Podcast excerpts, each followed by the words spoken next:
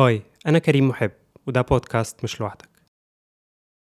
في الحلقة اللي فاتت من البودكاست اتكلمنا عن شوية حيل وألعاب نفسية بتتلعب كتير قوي في العلاقات وللأسف في أوقات كتيرة بنكون إحنا ضحيتها.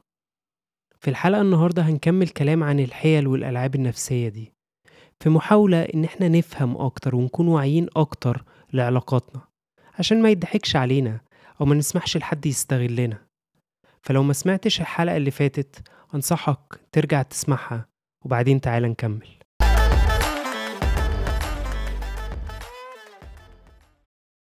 أول لعبة نفسية هنتكلم عليها في الحلقة النهاردة هي لعبة ال gaslighting. مصطلح ممكن تكونوا سمعتوه قبل كده بس الحقيقة إنه مفيش ترجمة للمصطلح ده بالعربي. فخلينا نحاول كده نفهم المصطلح ده جه منين وإيه الأصل بتاعه.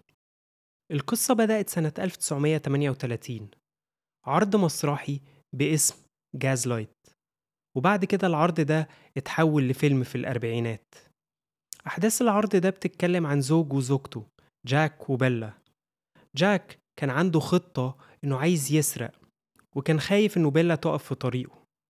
فتوصل إنه الحل الوحيد إنه يحاول يتخلص منها من خلال إنه يحاول يوهمها إن هي فقدت عقلها.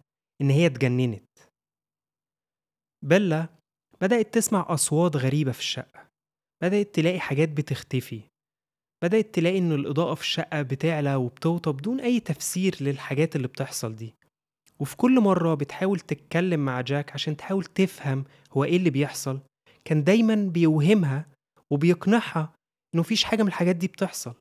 وإن كل ده من وحي خيالها. وإنه الظاهر إن هي بدأت فعلا تفقد عقلها وبدأت تتجنن. ومع الوقت بيلا فعلا بدأت تشك في نفسها. ما بقتش عارفة هو إيه الحقيقي وإيه الخيال. ومن هنا بدأنا نستخدم مصطلح ال gaslighting عشان نوصف شخص بيتلاعب بشخص تاني. من خلال إنه يوهمه ويقنعه إن كل اللي حسه كل اللي شايفه كل اللي سمعه مش حقيقي وإنه الحقيقة حاجة تانية خالص. خليني أشرح لكم أكتر. عارفين الشخص اللي أنت مسلفه التيشيرت بتاعتك بقاله كتير وكل ما تكلمه وتفكره إنه يرجع لك التيشيرت بتاعتك يفضل يقنعك إن هو رجعها لك أو إن هو أصلا ما استلفهاش مع إنك لسه شايفه في ال story امبارح وهو لابس التيشيرت دي.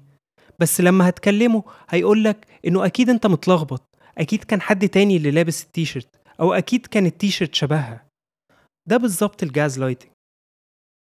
وده بيحصل برضه في العلاقات. فتبقي شايفة ال messages أو الصور اللي مش مناسبة بعينيكي على موبايل ال partner بتاعك. ولما تروحي تتكلمي معاه وتواجهيه يقنعك إن أنت فاهمة غلط إن أنت مكبرة مواضيع أو راسمة صورة في خيالك مش هي الحقيقة.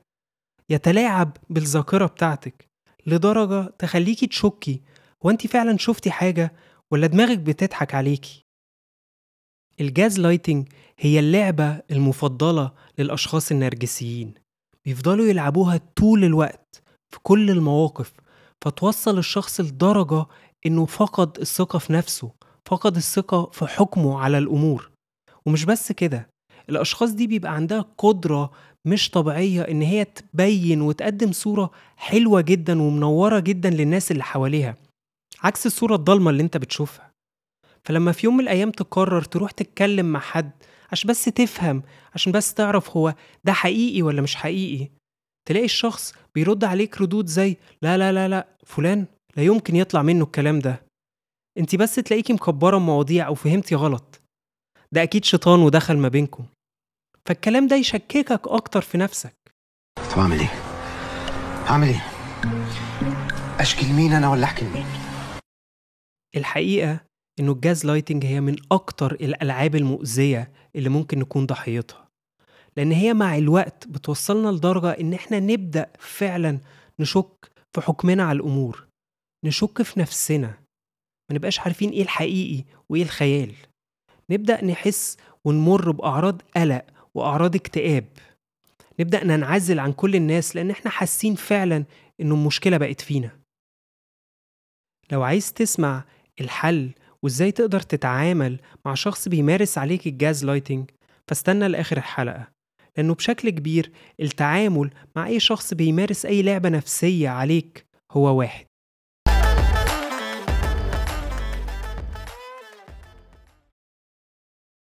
تاني لعبة هنتكلم عليها في الحلقة النهاردة هي لعبة ال silent treatment أو الصمت العقابي. لعبة سهلة قوي وقواعدها بسيطة جدا. شخص بيتضايق منك. فبيقرر إنه يسكت وما يتكلمش معاك. ممكن يقعد أيام ما يتكلمش معاك وممكن أسابيع. وفي بعض الأوقات الموضوع ممكن يكمل لشهور. لعبة ممكن تلاقي أصحابك بيلعبوها عليك أو زمايلك في الشغل أو حتى أهلك. وفي أوقات كمان ممكن شريك حياتك يبقى بيمارس اللعبة دي عليك. فالسيناريو بيمشي كالآتي. صاحبك مثلا فجأة بطل يرد على المسجز بتاعتك أو على مكالماتك وأنت مش فاهم هو فيه إيه. وكل ما تحاول تبعت له وتسأل هو ماله أو هو متضايق أو أنت زعلته في حاجة تلاقي ردوده كلها بسيطة جدا.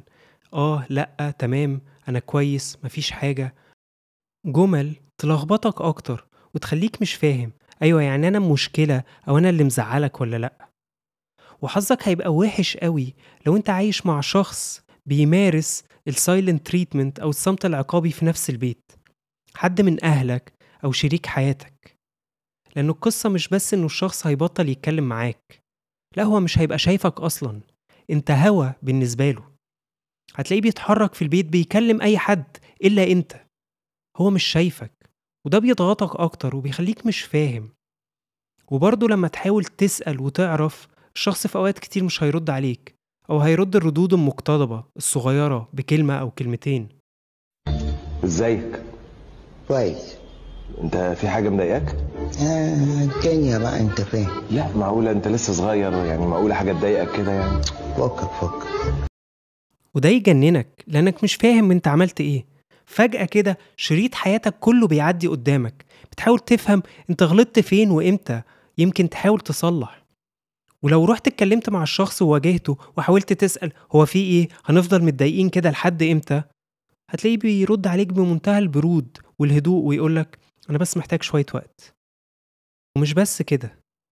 القصة ما وقفتش عن إنه بيعاملك هوا أو إنه مش شايفك. لا في أوقات كتير ال silent treatment ده بيكهرب الأجواء في البيت.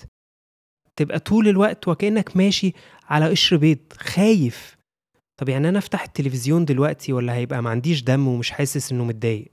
طب يعني أنا أنزل المشوار اللي نفسي فيه وعايز أعمله ولا لأ؟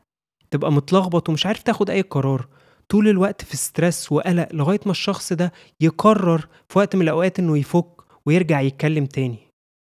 وللأمانة محتاجين نفهم برضو إنه الشخص اللي بيمارس الصمت العقابي مش دايما هدفه التلاعب. هو في أوقات كتير للأسف ما بيبقاش عارف يعبر عن مشاعره غير بالطريقة دي. ده اللي اتعود عليه وده اللي بيديله الأمان فبيقرر يقفل على نفسه. ده مش تبرير للي هو بيعمله بس محاولة لفهم ليه ممكن يكون شخص بيعمل كده. وفي أوقات كتير الشخص بيعمل ده وهو واعي لده كويس جدا في محاولة منه للتلاعب في محاولة منه إنه يسيطر علينا وإنه يفضل محسسنا بالذنب. وهنا نيجي لأهم وآخر سؤال. إزاي نتعامل مع شخص بيمارس علينا ألعاب النفسية المختلفة سواء ال gaslighting أو ال silent treatment أو الألعاب النفسية اللي اتكلمنا عنها في الحلقة اللي فاتت؟ الحقيقة إنه الوعي والفهم هو المفتاح. الوعي والفهم هو الحل. لما أنا هبدأ أكون واعي للألعاب النفسية اللي ممكن حد يكون بيمارسها عليا واعي إنه بيعمل ده بس عشان يسيطر عشان يكون الطرف الأقوى عشان ما يتحملش مسؤولية أو يرمي اللوم عليا أو ما يبذلش أي مجهود. وعيي وفهمي ده هيساعدني أفضل واثق في نفسي هيساعدني أثق في حكمي على الأمور وحكمي على الحاجات والحقائق اللي أنا شايفها. هيساعدني ما اتزحلقش في زحلية الذنب واللوم وتأنيب الضمير. هيساعدني أعرف أقف وأحط حدود وأقول لأ. أنا مش لاعب اللعبة دي تاني. بس برضو محتاجين نكون فاهمين إنه الدايرة اللي أنا كنت ضحيتها لوقت طويل قوي مش هتتكسر في يوم وليلة. في أوقات هنركز وهنعرف نوقف الألعاب النفسية اللي بتمارس علينا. وفي أوقات تانية هننسى أو هنشك أو هنرجع نخاف. قصة محتاجة استمرارية.